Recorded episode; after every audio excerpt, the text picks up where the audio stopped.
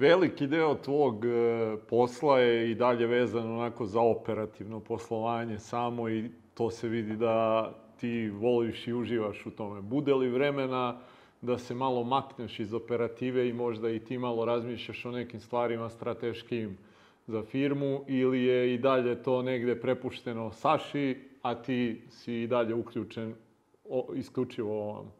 Pa dobro, znaš kako, sve što se tiče tih strateških stvari mi se dogovaramo. I za to nam ne treba nešto pretarano mnogo vremena da bi se dogovorili. Hoćemo ili nećemo i to je to. E, idemo u to ili ne idemo. E, meni to, te, ne možeš ti strateške stvari svaki dan da, da, da, da, da rešavaš. Znači, ti imaš jednu stvar koju rešiš da ćemo da radimo u narednih dva, tri meseca i nema tu više šta da se, da se pravi strategija. Kreneš da radiš. Prosto ko pasuj. Kreneš ujutru u sedam, završiš uveče u 10, 11, 12, kad stigneš. Uh, ja nikad nisam pogledao sat da, da bi otišao kući. Ja idem kući kad se završi posao. Nekad odem u pola 10 uveče, nekad u 9, nekad u pola 12, nekad u 3 ujutru. Ali ne, ne pogledam u sat i ovo vidi kasno je, trebao bi da idem. Ne, nego jednostavno radiš. Tako da ne treba mnogo tu taktizirati i praviti ne znam nija kakve strategije. Sve je ovde jako jednostavno. Od tebe se očekuje težak rad, očekuje se dobra organizacija, da... Pa mi imamo... Pa, jel vi znate da nama, na primjer, logistika učestvuje u troškovima sa manje od 3%? To ne postoji firma u svetu koja ima logistiku koja učestvuje manje od 3%. I to, ta logistika s 3% je naduvana sigurno za pola posto. Jednostavno, svaka kockica mora da se složi i sve mora da bude u milimetar. Tako je i u radnji, u milimetar. Sradite do kuće, vidite kako su poslagani šafovi. Šafovi, šafovi uzmete i izručite, je tako? I tako ćete vidjeti u svim sistemima u Srbiji. Idite kod nas da vidite kako je spakovan šaf. Znači, sve je u milimetar. Tako je i organizacija u logistici mora biti sve povezano. Mora se iskoristiti svaki resurs da nešto vratiš, da nešto odvezeš, da ne ideš prazan, da jednostavno koristiš svaku priliku da nešto dobiješ na tome. Tako da, ne treba tu... Ne, mi se to dogovaramo u jednom danu, jednom mesečno i tu se završava priča. Dalje samo kreće rad. Uh mhm. -huh. Reci mi, e, to sam isto Sašu pitao, pa me zanima isto iz tvoje perspektive da čujem. E, šta su vrednosti koje pokušavaš na svoju decu da preneseš? Samo budu pošteni ljudi. Ništa drugo ne treba budeš. Da svoju reč koju daš, držiš. Jer samo za reč čovjek može danas da se drži. Meni ne treba nijedan papir, nijedan ugovor, nijedan pečat. Niti mi ikad iko tražio bilo šta. Ako sam ti dao reč, to ima tako da bude. Moju decu učim da drže reč. Da nikad ne slažu i da nikad ne ukradu. Znači, to je osnovno načelo svega.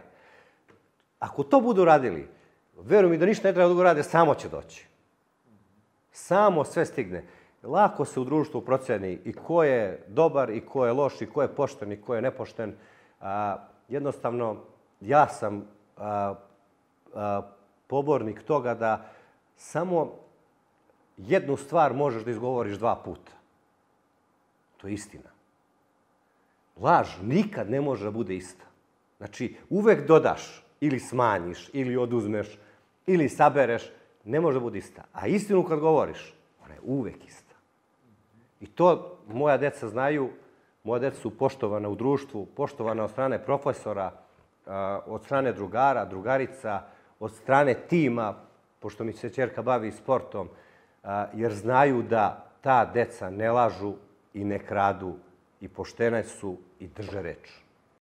Ja, reci mi sad, što se tiče tog dela, njihovog razumevanja E, toga da postoji porodična firma, da vi kao porodica nešto imate. Kako izgleda to sa njihove strane? Jesi se trudio negde da ih o, onako polagano uvodiš u taj svet, da znaju sve to ili interesuje li njih sve to? Kako ti to sad izgleda iz ove perspektive? Pa vidi, oni su mali. oni su mali još uvek, a, imaju 13 i 16 godina, a, još su deca. A, ja to detinstvo koje oni imaju nisam imao. Ja sam morao u njihovim godinama da radim. A, ja želim da oni imaju detinstvo. Želim da se školuju na najboljim mogućim fakultetima i da završe te škole. Da će to biti lekar, zubar, pilot ili ekonomista, uopšte me ne zanima. Neka rade to što vole, neka upišu to što vole, neka završe što vole. Arhitekturu, nikakav problem. A, a posle uvek mogu da rade ovaj posao. To što je taj posao porodičan, pa Bože moj, ako, sam, ako se meni to ne sviđa što ti radiš, pa izvini, tata, ja sam završio arhitekturu, hoću da gradim mostove. Ovo je tvoj posao, ovo je moj. Ja njega da na silu teram da rade posao koji oni vide da je muka najveća i na svojoj koži su najviše osetili to,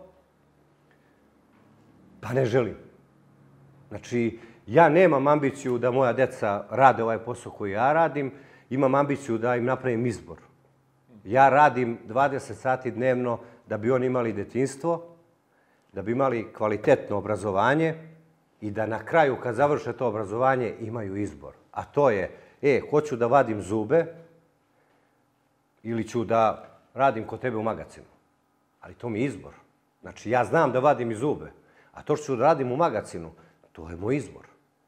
I tako hoću. I hoću od magacionera da dođe za 20 godina na mesto gde si ti bio pre 20 godina. Da, može, nije nikakav problem. Apsolutno nije sporno. Ova firma stoji ovde zbog njih. Što smo mi radili sve ovo? Pa radili smo zbog dece.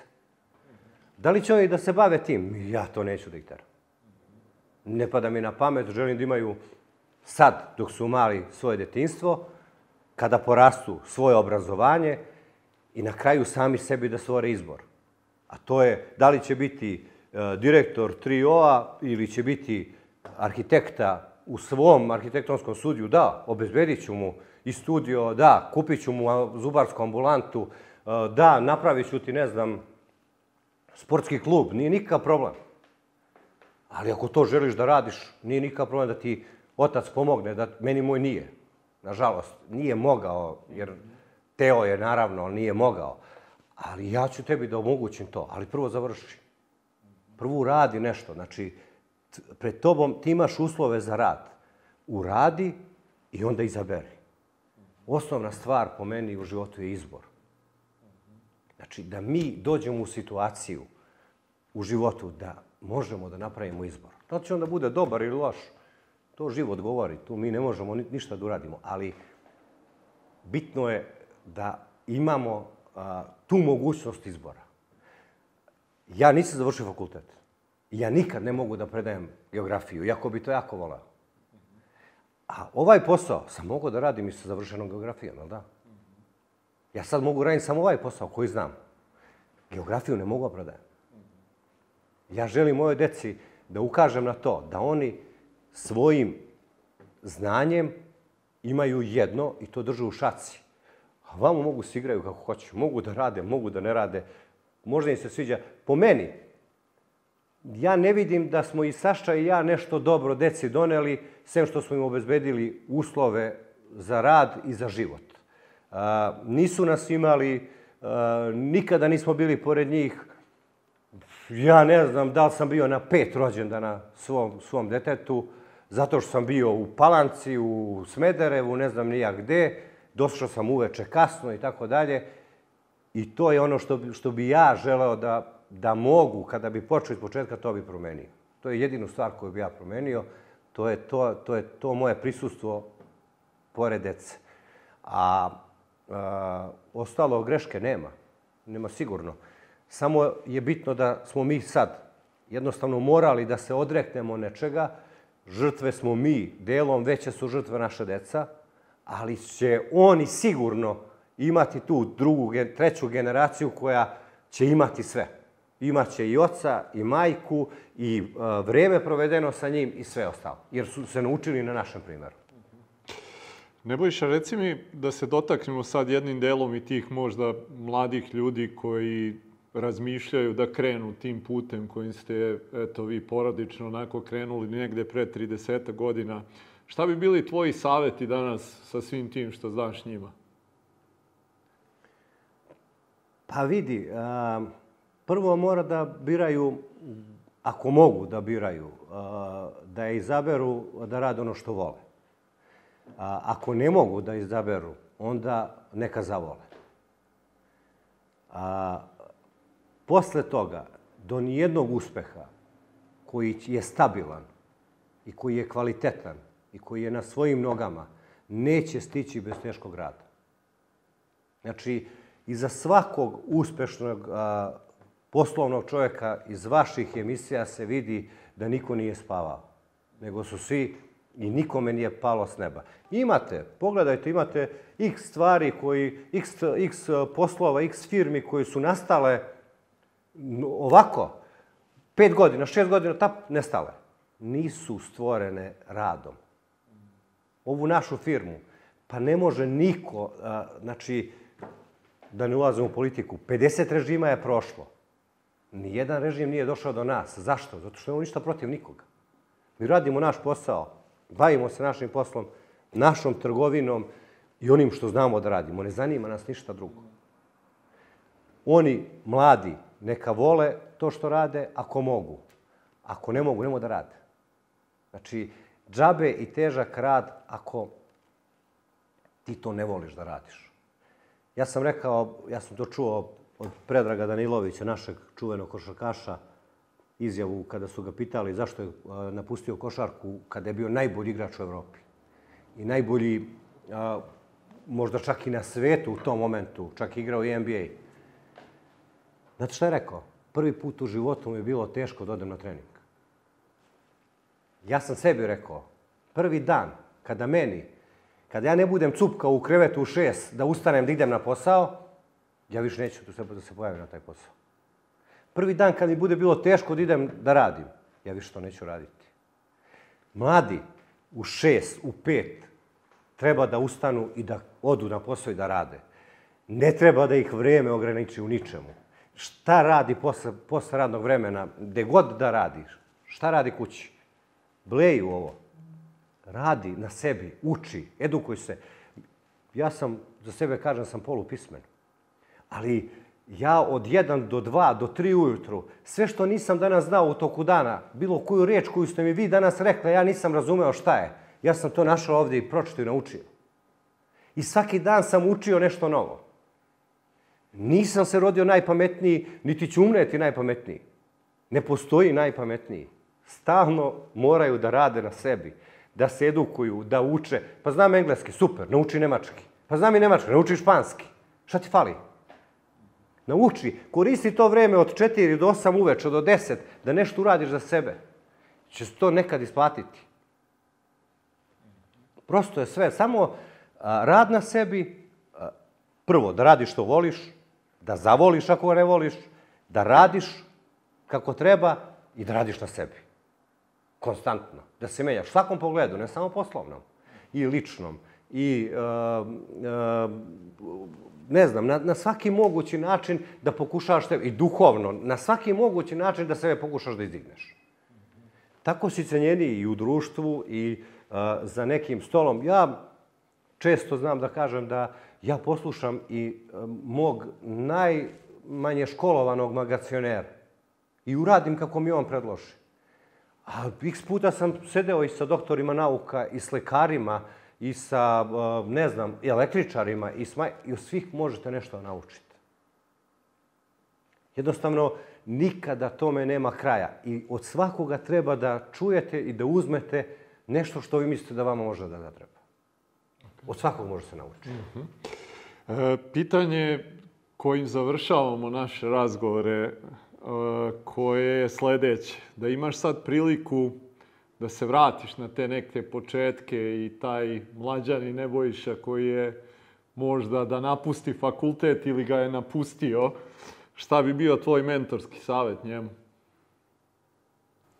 Da napustiš ili da ne napustiš fakultet? Recimo i to i da li bi sad, eto, to je zanimljivo, da li bi sad, kad bi imao priliku da se vratiš tom, ne bojiš i da kažeš, da li bi mu rekao da napusti fakultet ili ne? A ne, ne bi napustio. Rekao bi mu da ne napusti. Dobro. Da radi koliko god. Ali pazi, nije to isto. Znači, a, mi smo rasli u vremenu gde si bio živ ili mrtav. Razumeš? A, sada, u ovom momentu, da, rekao bi mom sinu, završi, mora, kao što sam rekao i malo pre. A, u, tada nije bio to taj izbor. I nisi ti imao vremena da a, i završi fakultet i da radiš. Jednostavno, ja se sećam da sam radio do 8, u 8 odem kući i pravim šamotno, šamotne veziva, da bi ujutru u 5 oterao to kupcu u Beogradu, da bi ispoštovao kupca. Znači, nisi imao vremena i da učiš i da, i, i da radiš. Svakako da, da sam ja imao mogućnost, da, imao sam. Ali, sad da ne bude da ja sad nešto veličam sebe, ali da sam ja krenuo stop tim putem fakulteta, sigurno da bi trio postojao. Ali nisam siguran da je bio u ovom obliku. A šta bi dao sebi onda kao možda mentorski savjet vezano za biznis? Dakle, sa ovim sad što znaš i da taj Nebojša koji je na početku svog poslovnog puta u građenju 3O, šta bi mu rekao? Teško pitanje. Jeste. Pa ne znam šta bi mu rekao, nemam. Pa evo sad, eto, dogodi se mi da na neko pitanje ne znam odgovor. Um, pa ne, ja mislim da je jedini, pa otko znam, a, da nemaš u poslu limit. Znači, ako nešto radiš, moraš da radiš do kraja. Pun gas, jel? Mora pun gas. Ne, ne može na pola ništa da se uradi. A, to je ono što meni smeta kod ovih mladih ljudi. Energija. Na pola su. Smoreni su. A, znaš, a ti bre čoveče, mlad si čovek, ti bre treba da ujedaš, da grizeš, da grabiš, da uzimaš sve ispred sebe. Eto, to bih rekao. Mada taj Nebojša je to radio, pa ja ne, ne bi mogao to da mu kažem. Ali kada bi bio neki drugi Nebojša, sigurno bi mu rekao da ne ispusti nijednu priliku. Imao, sigurno sam i ja imao milion prilika koje nisam, koje nisam iskoristio iz... Ali ne zato što nisam teo, nego zato što jednostavno fizički nisi mogao da stigneš. Jednostavno si gurao taj tvoj pravac koji si imao i to si išao tim putem koji si mislio da je dobar i sad ovo, ove koji su se pojavljivali, ti znakovi pored puta, jednostavno si ih, morao da ih ignorišeš da bi stigao ovde gde si sad. Sad otko znam, a, samo a, više energije, više rada, više snage, više edukacije, više učenja, nema greške. I naravno, ma koliko to smešno zvučalo sad u ovom vremenu, mora pošteno. I mora da voliš. Nebojša, mislim da su jako lepe reči da završimo ovaj razgovor sa tobom. Hvala ti stvarno na ovaj, e, ovoj otvorenosti, na ono kako si rekao sam na početku, bez dlake na jeziku. Želim i tebi, kao i Saši, da nastavite ovako kako već gurate skoro tri decenije, da lepo proslavite tu ovaj 30-godišnjicu i da ostvarite sve te neke planove i ciljeve koje imate. Hvala ti puno. Hvala vama. Vidimo se sad, nakon razgovora sa Nebojšom i sa jednom mladom nadom iz porodice, uskoro i ona sa nama.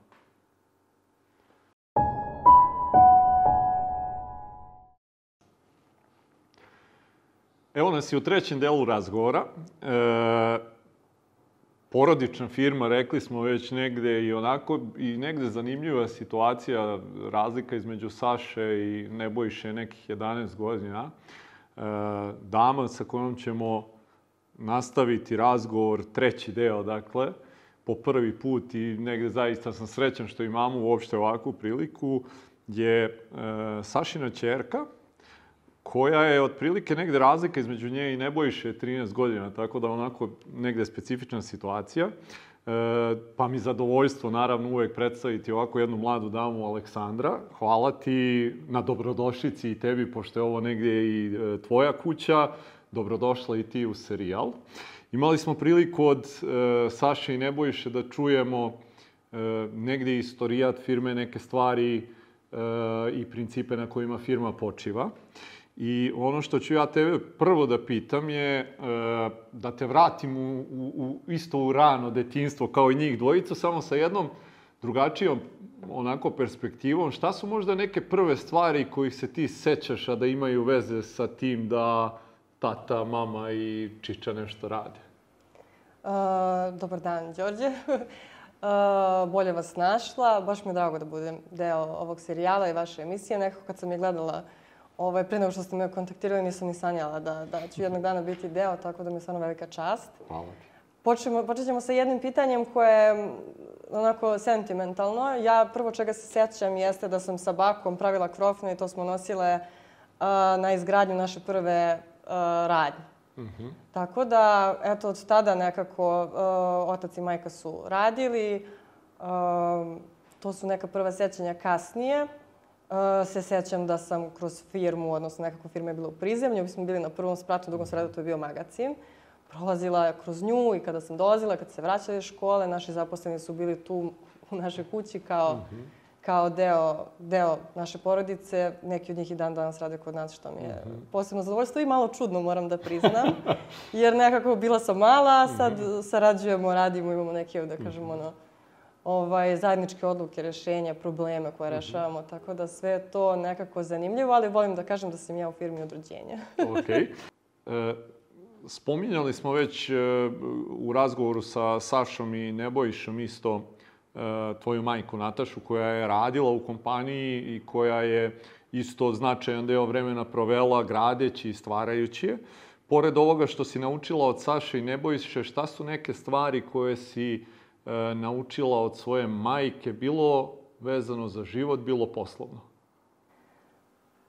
To je dobro pitanje. E, pre svega, moj otac je preduzetnik i moja majka je takođe preduzetnica. Mm -hmm. Uh, 20 godina je bila direktor Trio, a sada konačno ima, ima svoju firmu i mm -hmm. ovaj, drago mi je što ostvarila tu svoju želju. Ali tokom odrastanja ne treba da pričam da kao čerka preduzetnika, otac nikada nije bio tu, tako da smo mi rasli sa majkom. Ali opet majka nikada nije bila domaćica. Majka je uvek uh, radila i predstavlja nam posao na neki način da iako smo devojčice, treba da budemo uključene u biznis, treba da radimo, treba da se školujemo i drago mi je, drago mi je zbog toga, ali opet kažem, mislim da kad pričamo o mojoj majici trebalo bi da ustanem, ali neću sad da remetim koncept iz prostog razloga što, eto, Saša je negde pratio svoje snove od prvog dana, ona je morala svoje snove zbog porodice da, da stavi na neki stand-by. Drago mi je što je došlo vreme i za to, ali svakako hvala je što je bila odlična majka i što mislim da smo dosta zahvaljujući njoj. I Katarina i ja izrasli ovo što jesmo. Reci mi šta su možda e, neke stvari, eto, kad odrastaš u sve to, pa obično te roditelji onako negde i uvode u firmu ili ti sama budeš pa se baviš nekim stvarima. Šta su bile možda neke prve stvari koje si ti onako kroz firmu pomagala roditeljima? Vrlo konkretno, e, Saša je insistirao da prilikom letnjeg raspusta radimo u radnji. -hmm. Tako da sam e, letnji raspust provodila nekada u Aranđelovcu, nekada u Mladenovcu. To su bile neke radnje, da mhm. kažem, koje su bile otvorene kada sam ja već mogla da da nešto pomažem. Sjećam se da sam izlagala robu, sjećam se da su me ostavili na kasi, mm -hmm. da vraćam kusur, to mi je bilo malo stresno, da ne pogrešim, ali moram opet da kažem da su kupci negde imali razumevanja i pomagali mi, mhm. izlazili mi u susret ako se zbunim ili tako nešto. Ali da, Saša je od prvog dana insistirao da tim nekim radnim navikama. I sjećam se takođe da sam sa stricem radila u radnji i sad je bio neki period, da li je bio vikend, nešto vidim da su neka deca prolazila ispred radnje. I on je rekao, ajde da brišemo prozore. Ja sam kao, nemoj, molim te, sramota me, prolazi mi drugari, to. I on mi je tada rekao, nikada ne smije da te bude sramota da radiš, ti ne kradeš, ti nijedan posao nije, nije stid raditi. Mm -hmm. I onda smo izašli, brisali smo prozore, kao da je juče bilo. Se toga mm -hmm. sjećam, to mi je bila jedna velika ovako životna lekcija koju se dan danas pridržavam. Mm -hmm. Koliko si imala godina tada? Pa, znači, šta je to? Pa presrednje škole. Znači možda 14-15 godina.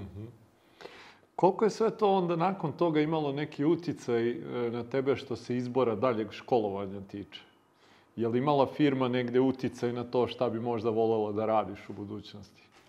E, veliki uticaj. Nekako, tokom celog odrastanja, kad god smo putovali, slavili rođendane ili bilo šta, nešto što je bilo ili čak i ružno ukoliko smo imali neku potrebu za nekim lečenjem, Saša je uvek negde nagoveštavao da je uh, firma ta koja nam ovo omogućila. Znači, firma je ta koja omogućila da ti sad putuješ, firma je ta, sad, ta koja omogućila da sad, ne znam, imamo neko lečenje.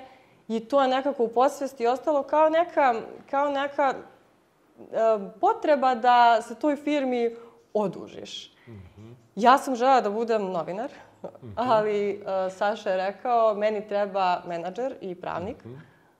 Ja sam rekla, dobro, pošto sam, jeli, starija čerka, mogu da biram. ovaj, postala sam menadžer.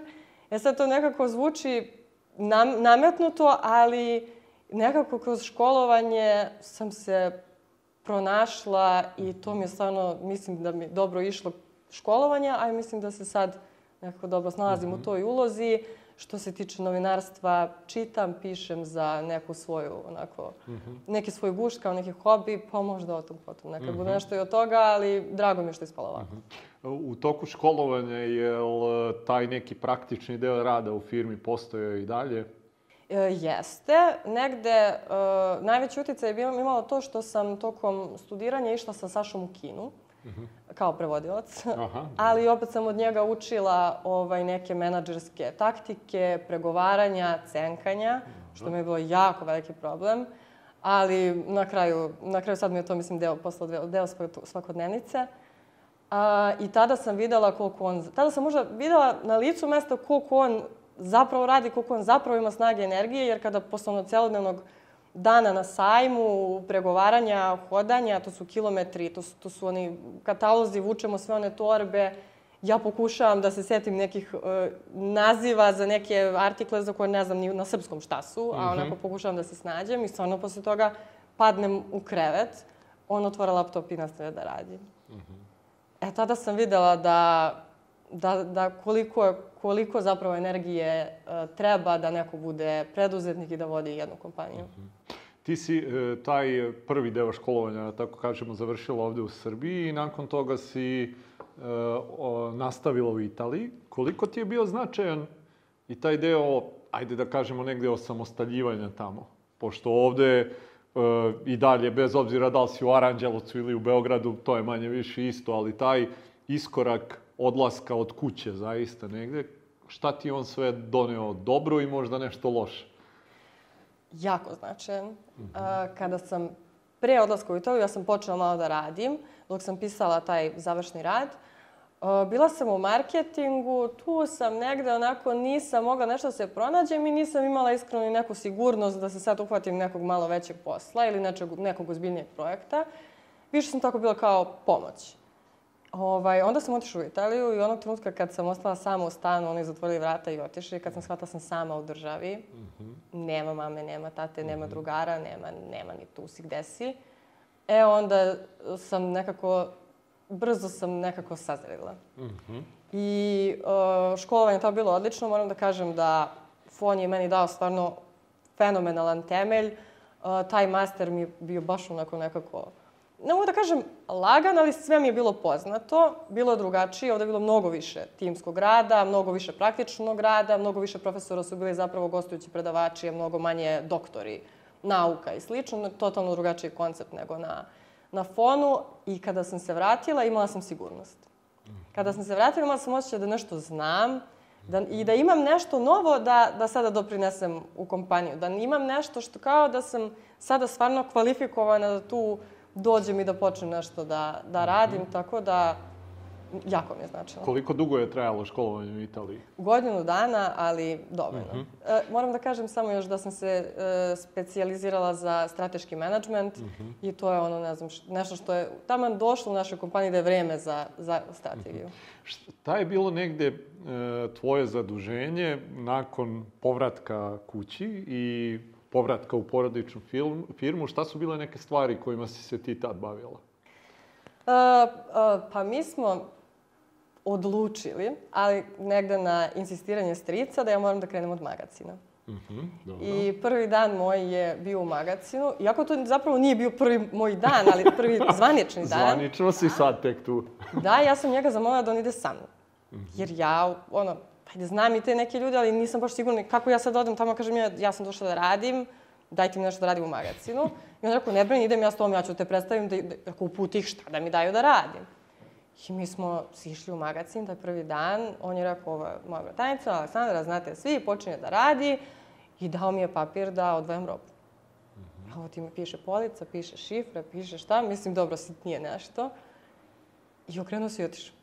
I ostavio me tu samu da se snalazim, ali opet e, veliko iskustvo, to i jeste srž, mislim, sve to super ako mi nabavimo, ako je dobra cijena, ako to logistika ne isporuči, ako imamo problema u, magazi, u magacinu, ako stanje nije tačno, to je mnogo veći problem od bilo čega drugog. Tako da tu sam negde uh, krenula u magacinu. Koliko je dugo trajalo to u magacinu? Nije dugo, par meseci, već kad, već kad su negde počele one ekstremno hladne temperature, složili su se da, da nije baš realno da budem dole po ceo dan sa njima.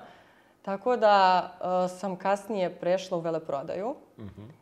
Fenomenalno iskustvo još jedno. Obišla sam većinu kupaca na terenu, imamo ih 400 i ja sam stvarno veliki broj njih obišla. I stekla neku sliku zapravo o tome ko su ti naši kupci, kako da im se obratimo, šta da im, šta da im plasiramo od proizvoda. I ovaj, eto, to nisu uradili ni Saša ni Nebojša, tako da ovaj, to smatram kao svoj plus. Jer i dan danas kad imamo s nekim kupcem ili problem ili neko kao da li da mu damo, da li da mu ne damo, da li ćemo naplatiti, kroz sećanje već znam, to je čovjek s kojim sam pričala, bila sam njegove radnje, znam kako je bilo stanje i mnogo je drugačija percepcija nego kad je to samo neki čovjek, ne, mislim neka firma na papiru. Mhm. Šta su ti možda tad, eto, ono, kad si se zvanično vratila e, i sad, eto, krenula opet, ajde da kažemo, od dna negde, e, šta su možda neke stvari isto i uvidi koje si imala za koje možda nisi znala, eto, ovaj, ranije tako povremeno radeći u firmi i pomažući? koliko ima problema. Da, onda sam videla tek da menadžer zapravo rešava probleme pod većinu dela svog dana, kada, kada je u tom nekom operativnom delu i videla sam tek onda sam osetila tu kompletnu količinu stresa koju nosi jedan, jedan menadžer ili osnivač i preduzetnik, kako god. Kako je tebi bilo onda nositi se sa tim stresom, tim početnim? Uh, počela sam da idem u teretanu. Tražila sam način sada da, ga, Dobro. da se tog stresa, nek, da ga kanališem na neki način, da, da to ne utiče na mene loše i mislim, da, mislim da sam to dobro. Ok. E, koliko dugo traje taj deo u veleprodaji? Uh, taj deo veleprodaje, sad ja sa vremenom, ne znam, možda nekih 5-6 meseci. I onda dolazimo do jednog trenutka kada ja kažem Saši da se meni ovo ne dopada. I on kaže, kako ti se ne dopada, ti treba da naslediš ovu firmu. Ja kažem, ali ja ne želim da nasledim ovakvu firmu. Kako ne želiš? Ti znaš šta je ova te firma sve omogućila, šta smo mi sve... Jeste, rekao, ali nekako imam utisak da ljudi koji rade dobro nisu dovoljno nagrađeni. Ljudi koji rade loše, opet se to ne vidi. Nekako svi rade sve. Mnogo mi je sve ko- konfuzno. I tada smo odlučili da angažujemo konsultantsku kuću i da probamo da, da napravimo, da reorganizujemo, da se zna ko šta radi, da uvedemo neki, neki sistem za početak. Ja sam se iznenadila što je Saša na to pristao. Ovaj, vjerojatno sam ja bila jako ozbiljna u tome da, da odoh. i, ah, da. super je sve ovo, samo vi radite, ali ja ovaj, ne, nisam mogla da se snađem. To nije nešto što smo mi učili na fakultetu ili prosto sve mi je bilo nekako...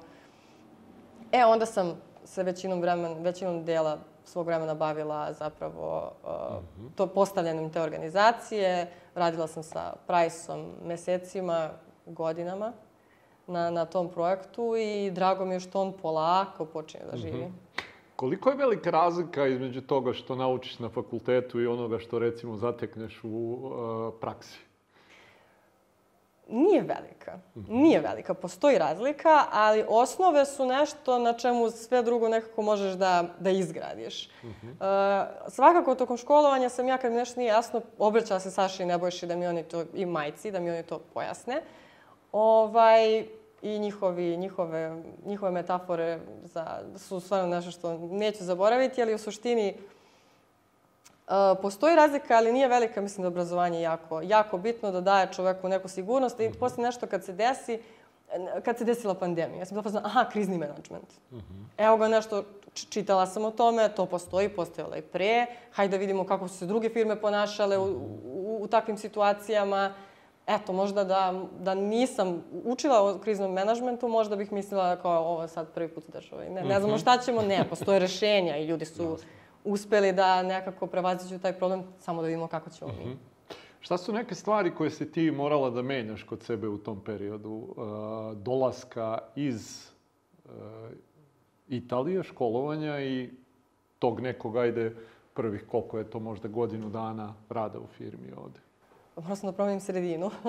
Morala sam da se vratim u Aranđelovac ovaj, i da to ne shvatim kao nešto loše, nego da nađem ono što je dobro u svemu tome, a dobro je to što dosta vremena provodim sa svojom porodicom, mislim da je to luksuz. Mm -hmm. Dobro je to što sam negde, imam osjećaj kao da sam gospodar svog vremena, mm -hmm. uh, jer mi svuda treba pet minuta. Pet mm -hmm. minuta do posla, pet minuta do teretane, pet minuta do prodavnice, pet minuta do bioskopa, gde god pet minuta. Tako da to je dobro. O, šta sam još morala promenim? Ja sam jako impulsivna osoba. Mm -hmm. Tako da sam od Saša morala da naučim mnogo toga o mm -hmm. toleranciji, mm -hmm. o tome da moram da razmislim dva put, o tome da moram da izbrojim do deset, o tome da ne moram odmah da odgovorim na mail ono što mislim, da to se može malo da, da, da, da, da sačeka i da se nekako amortizuje kroz neke druge stvari, tako da negde mi je to, mm -hmm. ta srčanost je nešto što sam morala prvo da, mm -hmm. da spustim. Koliko je to bilo teško? Teško je. teško je, ali opet kažem, možda i nije to tolika mana. Nekako, kada dođeš u porodičnu kompaniju, kao druga generacija, negde su ti osnivači u nekom svom zenitu ili pred kraj svoje neke karijere i malo su se oni umorili i usporili. I onda dođe mhm. neko mlad, ko, ja bih te da se, te da se dokazujem. I onda mhm. ja njega malo vučem, ne mogu ja bez njega, ali mislim da i opet ja njemu dosta značim i ta mhm. moja energija i ta moj entuzijazam da, da ga gura, da idemo dalje, jer tek smo počeli. Mm -hmm, naravno. Ali koliko je recimo sad, eto, kažeš, uh, osnivači uvek imaju negde tu malo, uh, većina njih ima tu negde zadršku i prepreku. Jel uh, lako uvesti neke novine? Rekla si za Sašu da je, si se iznenadila što je pristao na dovođene konsultantske kuće ali generalno govoreći za druge stvari, novine neke možda koje si isto želela da uvedeš, koliko je to bilo izazovno implementirati i pokrenuti? Pa kao. uh, jako teško, jako sporo, i razumem, Mm -hmm. Razumem u potpunosti, sistem je funkcionisao, ne samo da je funkcionisao, evolvirao je u, u, u imperiju za nas. Mm -hmm. I sada ja hoću nešto da menjam, zato što mm -hmm. mislim da može bolje. Mm -hmm. Teško, ali ako sam dovoljno uporna, ako se dovoljno dugo objašnjavam, dokazujem i ono što je najvažnije, cifre. Mm -hmm. Kada dođem sa konkretnim ciframa, sa konkretnim analizama, mnogo mi je lakše da, da priđem i Saši i Nebojši da ih ubedim da ono o čemu ja pričam zapravo ima nekog osnova i smisla, ali onda dolazimo na otpor od zaposlenih koji su navikli da rade po nekom principu, sada to treba da se promeni, ali na kraju nešto se implementiralo za sad, nešto i nije ali -hmm. polako. Mm -hmm. Kad govorimo o zaposlenima, spomenula si malo pre situaciju da e, dosta tih ljudi te zna ono kad si bila devojčurak. E, koliko je bilo izazovno izgraditi sad e, autoritet osobe koja je izrasla u nekoga ko bi trebalo u nekim narednim godinama i decenijama i da bude jedan od lidera ove kompanije? Pa meni nije toliko. -hmm. Nekako, ja njima prilazim sa ogromnim poštovanjem. Mm -hmm. I obraćam se sa ogromnim poštovanjem i uvek nekako dajem im uh, prostori da oni odluče i da uopšte on, taj neki moj predlog ne mora da bude nikakav ultimatum, mm -hmm. prosto dam im o, baš dosta na značaju. I samo negde mo, svoje predloge predložim onako da možda razmisle o tome mm -hmm. i nekako sa takvim pristupom mm -hmm. i onda prvo sa pristupom dobije mogućnost da me saslušaju. Kad me saslušaju, vidim da to što ja pričam stvarno ima nekog smisla. Mm -hmm. Nikad nisam naišla na, na problem da neko nije hteo da me posluša ili da sarađuje ili... Verovatno tu ima i toga što i Saša ima poverenje u mene, Nebojša ima poverenje u mene, ljudi to vide. Mm -hmm. I samim tim, eto, ta neka kombinacija da ja nisam došla sad da dirigujem, došla sam da pomognem, jer su oni mnogo duže tu nego ja. Nekako snašla sam se, nisam, nisam imala problema što toga tiče. A, kad gledamo druge generacije, nekako ono što većina ljudi e, koja je sa strane i koja to negde posmatra, uglavnom vidi samo dobre strane. E, šta su možda neke e, strane, ajde pod znacima navoda, loše i izazovi koja druga generacija ima, a koje možda na prvi pogled većini ljudi nisu očigledne? Loše. Pa mislim da generalno posao je sam po sebi stresan. A plus kada to radiš sa svojom porodicom, onda da ima neke vrsta emotivnog stresa. Znači ovako mislim da, da radim u korporaciji, pa imam stres, onda odem kući i to je to, a ne ovako imam stres, imam emotivni stres i plus taj stres svi odnesemo kući. Tako da, to, eto, to je teško. Ili kada, kad nekako ta briga koja se javlja na osnovu porečnih odnosa. Ali nešto što je meni zanimljivo još je što sam ja, e, ima nešto čega sam se bojala, a zapravo se nije desilo. Mislila sam da će e, neka, neka ta teška strana, loša strana rada u porečnoj kompaniji biti što ću ja biti u Sašinoj senci za uvek. I što će za uvek to biti njegova firma, a ja nekako me to tata i stric i majka ostavili. E sad, e, nije tako. Vidim da sam uspela da, mislim, samo nekim svojim radom da isplivam. Zvali su me kao iz uh, Biz Life-a da sam 30, ispod 30 menadžera u Srbiji. To je stvarno veliko priznanje. Nisam očekivala, ja gledam sebe, sedim ovde u banji, u Aranđelovcu, ko, ko, ko će mene da se seti. Međutim, uh, van posla opet aktivnosti su bitne, član sam nekih organizacija, asocijacija, negde je to neko video, prepoznao. Isto vi kad ste me pozvali, ja sam se iznenadila prijatno, tako da, ne mo, eto, to ne mora da znači. Mislila sam da ću biti u senci, sad više ne, nemam osjećaj da sam u senci. I čak i kada dođu dobavljači, kada su došli konsultanti, naravno oni se primarno obraćaju Saši. Ali ako imaš nešto pametno i smisleno da kažeš, ako si se pripremio, ako dobit ćeš svoj pet minuta. Tako da mislim da je to vrlo jedan fair play, u, u, generalno u poslovnom svetu i to sam ja mislila da je mana, ali nije. Mhm, okej. A, kad govoriš o tom isto negde, ajde i stresu i pritisku uopšte negde koji postoji na drugu generaciju sad, bilo od roditelja samih koji očekuju da ti nastaviš možda, bilo od e, zaposlenih, od okruženja koji očekuju da ti sad kao novi, e, e, nova sveža krv koja dolazi u kompaniju treba da nastaviš e, tim nekim putem razvoja kojim je kompanija išla. Postoji li tu određeni pritisak koji osjećaš? Pa zapravo ne. Uh, jer negde to i vidim kao neku priliku. Uh, Kada sam završavala studije, razmišljala sam, aha, ja ću sad idem da radim u porodičnu kompaniju, to nije korporacija, možda je meni bolje da radim u nekoj korporaciji, ali onda sam rekla sebi, čekaj, ti možda napraviš korporaciju, zar to nije, zar to nije bolje? Ovako ćeš biti neki zaposleni u korporaciji, ovako ćeš biti neko ko je od porodične kompanije to, od toga napravio korporaciju. Tako da sam to više videla kao neku priliku, dobru priliku i šansu i sreću u životu što sam... E,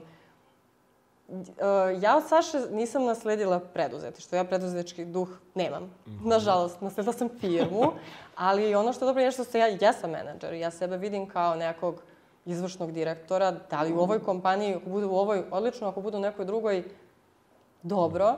Tako da, uh, mislim da je ovo win-win situacija u smislu ja sam menadžer, imam svoju kompaniju koju mogu da upravljam, ne moram da počinjem ništa novo, ne moram da počinjem od nule, divim se ljudima koji to mogu, ali sebe prosto ne vidim. Ne vidim u, u fotelji preduzetnika, ali u fotelji direktora, da.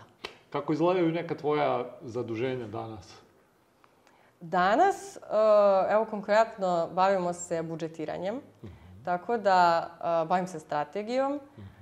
Uh, plave, pravimo planove prodaje, planove nabavke, investicija. Ja sam zadužena za kontrolisanje profitabilnosti, novčanih tokova, troškova.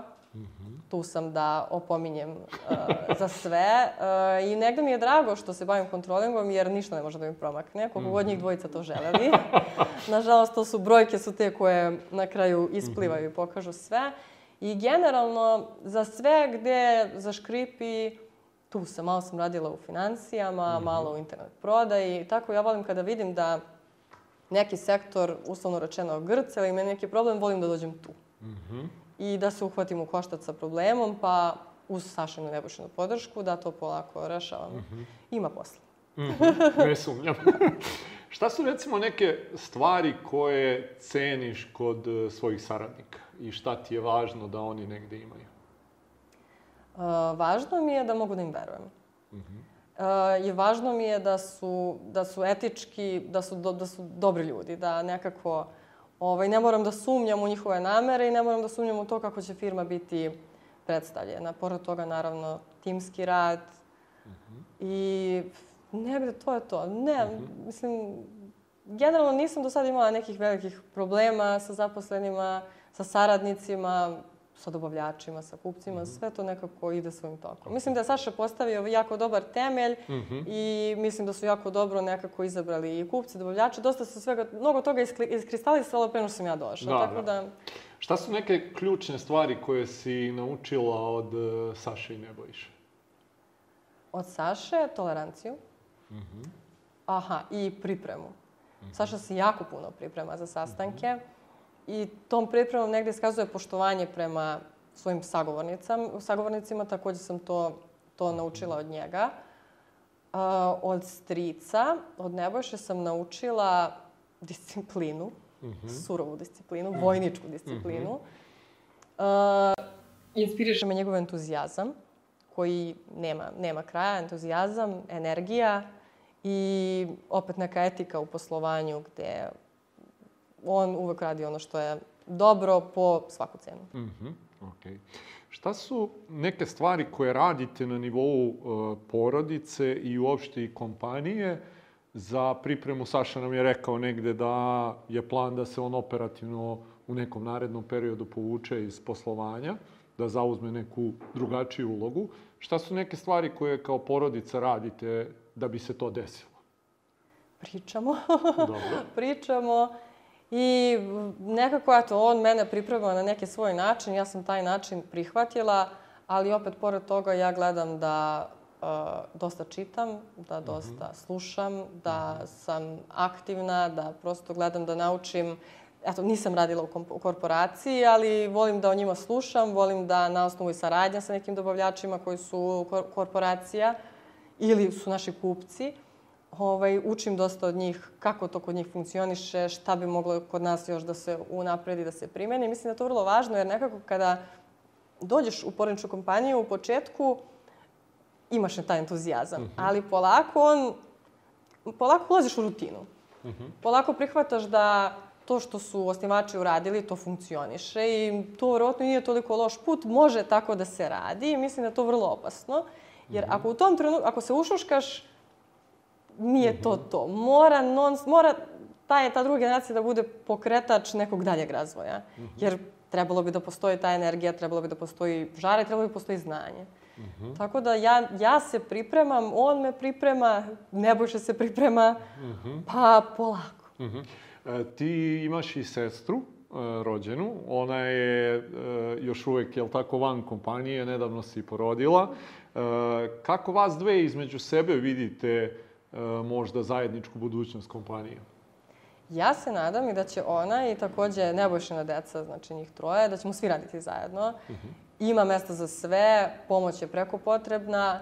Što se Katarina tiče, jedva čekam da dođe. Mislim da će mi biti mnogo lakše. Mislim da kad budem imala osobu pored sebe, kao što Saša, Saša ima Nebojšu, koji, koji ga u potpunosti razume, koji, koji zna šta ova druga osoba misli, da ćemo negde mnogo i snažnije nastupati ispred, pa najviše ispred dobavljača. Jer verovatno tu negde najbolje, najbitniji taj deo pregovaranja i nastupa, ali zašto da ne i, prema kupcima i prema tržištu, prema zaposlenima. Mislim da će ona biti jedna nova doza energije i njena logika je fenomenalna i to je nešto što će biti veliki plus za našu kompaniju. Koliko ste vas dve različite? Čuli smo, Saša i Nebojša kažu ono da su totalno suprotni jedan od drugog. Kako to izgleda u, slučaju vas dve? A, Nas dve jesmo različite, ali ne kao njih dvojica. Ne, a, oni dosta imaju tih nekih, da kažem, um, ne mogu da kažem sukoba, nisu to sukobi, ali imaju dosta nekih različitih razmišljanja. Katarina i ja različito razmišljamo, vrlo se lako dogovorimo. Mhm. I negde mislim da, da će to biti dobitna kombinacija. Mhm, ok, super. E, reci mi, e, kad gledaš, spomenuli smo malo pre e, van kamera e, te neke druge primere koje znaš i rekla si da je tebi isto e, u jednom trenutku izazov bio vratiti se iz Italije u Aranđelovac. I mislim da dosta ljudi negde smatra to kao, eto, treba biti u Beogradu ili tako negde. E, koliko vidiš da druge generacije, možda neki tvoji prijatelji ili tako negde, imaju možda izazov sa tim da se vrate nazad možda u neka manja mesta, u svoje porodične kompanije, samo zbog toga što su one u manjim mestima? Da, to jeste evidentno problem s kojim se svakodnevno susrećem. Nekada i e, na nekim razgovorima, mislim da razgovore kada, za posao, kada neki ljudi apliciraju, kada saznaju da firma, previdaju se firma u Aranđelcu, odustaju. A, ne vidim razlog. A, razumem poteškoću da se, da se vratim u, u grad koji ima jednu ulicu. Ali, s druge strane, a, na, na, gledajući ovako svakodnevno, ne postoji putovanje do posla, putovanje do posla je pet minuta, ne postoji traženje parkinga. Ja posle posla odem i u teretanu, i u spa centar, i na piće, i u bioskop. I sve to stignem odjednom jer mi je sve to jako blizu. S druge strane, cene, koliko god e, da više zarađuješ u velikom gradu, u malom gradu i da zarađuješ manje, opet cene su smešne. Tako da kažem, vrlo je negde rentabilno živeti u manjoj sredini. I ono što je najvažnije, uh, provodiš vreme sa porodicom. Provodiš vreme s porodicom, sa prijateljima. Uh, gledam i sutra moja deca, vola bih da rastu sa bakom i dekom kao što sam i ja rasla, a ne sa nekim ko će da ih čuva ili mislim naravno ići u vrtić i sve to, ali opet mislim da, da povratak u male sredine značajno olakšava svakodnevni život. Ne treba se truditi da živiš u, u velikom gradu a priori zato da bi tamo živeo. Mislim da ljudi treba malo da, da izmere. I ja mislim da, da nisam pogrešila, opet blizu mi Beograd, često sam tamo, ali ne, ne vidim sebe tamo. E, ako ne vidiš sebe u Beogradu, šta je ono kako vidiš trio, recimo, za 10 godina? Uh, vidim kao korporaciju. Nadam se da ćemo biti uh, sistem korporacija, da ćemo biti u ovome što radimo uh, i dalje prvi. Za sada smo jedini koncept koji ima od cementa do kašike viljuške, preko bele tehnike i svega toga. Mislim, ima konkurencije, ali sa takvim asortimanom za sada ne. Ja bih volila da imamo konkurenciju, ali da i dalje budemo prvi. I ovaj, volila bih više radnji, više zaposlenih, da prosto ovo, ovo kako već nekako funkcioniše, proširimo da to bude malo veće. Okay. E, Sašu i Nebojšu sam pitao e, za savjet svim onim mladima koji bi negde da ulaze u preduzetničke vode i sad ti sama si rekla da nisi preduzetnica niti sebe uopšte vidiš na taj način, ali ono što jesi je neko ko je definitivno merodavan da da neke savete i roditeljima i drugoj generaciji što se tiče eto, barem nekog tog dela iskustva koje ti imaš na ličnom primeru u porodičnoj kompaniji. Šta bi bili neki saveti, recimo, onima koji nas prate, koji su možda u tvojoj koži ili možda su i roditelji nekim e, ovaj, mlađim generacijama, šta bi im ti rekla? Pa savjet broj jedan svakako je školujte se kao da nemate gde da radite. Jer e, ništa nije sigurno u životu i treba da postoji plan B, a svakako što školovanje budete, bolje ćete se pokazati u firmu u kojoj dolazite. Druga stvar, nemojte da očekujete da će osnivači da vas dočekaju sa trubačima i da jedva čekaju da vam prepuste ono što su 30 godina gradili. Neće. Ali to svakako ne znači da treba da budete obeshrabreni, prosto treba da se trudite da, da nađete svoje mesto u toj kompaniji i da sačekate svojih pet minuta. Treća svakako je ne plašite se malih sredina, ima, ima prednosti. A što se tiče osnivača, Pa ja bih savjetovala Sašu, a i sve druge koji su kao on, da ne štite mnogo svoju decu. I da ih gurnu u vatru i da ih puste da, da uče, da ih puste da greše i da ih puste da se dokažu. Ako već žele da budu deo te kompanije, onda ne bi to trebalo toliko da bude pod nekim njihovim uslovima. Više treba da, da urade isto kao sa bilo kojim drugim zaposlenim u smislu nekih prilika, šansi. I to bi bilo to. Ok. E, Pitanje koje onako e, za osnivače imamo kad završavamo razgovore sa njima, koje je negde sad prilagođeno ovaj, tebi i drugoj generaciji uopšte. Da imaš sad priliku da ti budeš mentorka e, Aleksandri, eto, u trenutku kad ulazi u kompaniju ovde. Šta je to što bi joj rekla? Da treba vreme. Da treba vreme. Manje bi se nervirala ako bi znala da će sve doći na svoje, ali prosto da promene e, traže vreme. Osim toga, sve će biti u redu. To je to. Prosto samo da možda manje, malo, manje, manje brige. I ovaj, više nekako verovanja u ceo taj proces i verovanja u, u odluke i osnivača i ljudi oko sebe da, da, da će sve biti u redu. Okay. Mislim da su to jako lepe reči da završimo negde i razgovor sa tobom i uopšte razgovor sa evo tri onako člana porodiče firme Trio. Želim vam stvarno da nastavite sa svim ovim uspesima koje imate, da proslavite 30. rođendan onako uz veliko slavlje, feštu i veselje, kako to zaista i dolikuje. A tebi, eto, da te neke ciljeve i planeve koje si sad rekla za deseta godina koje imaš, ostvariš, pa da se onda možda ponovo vidimo, da vidimo kako si do njih došla. Hvala ti puno na, na i gostoprimstvu i vremenu ovde odvojeno za nas. Hvala vam. Hvala i vama što ste bili sa nama i vidimo se sledeće nedelje. Prijatno!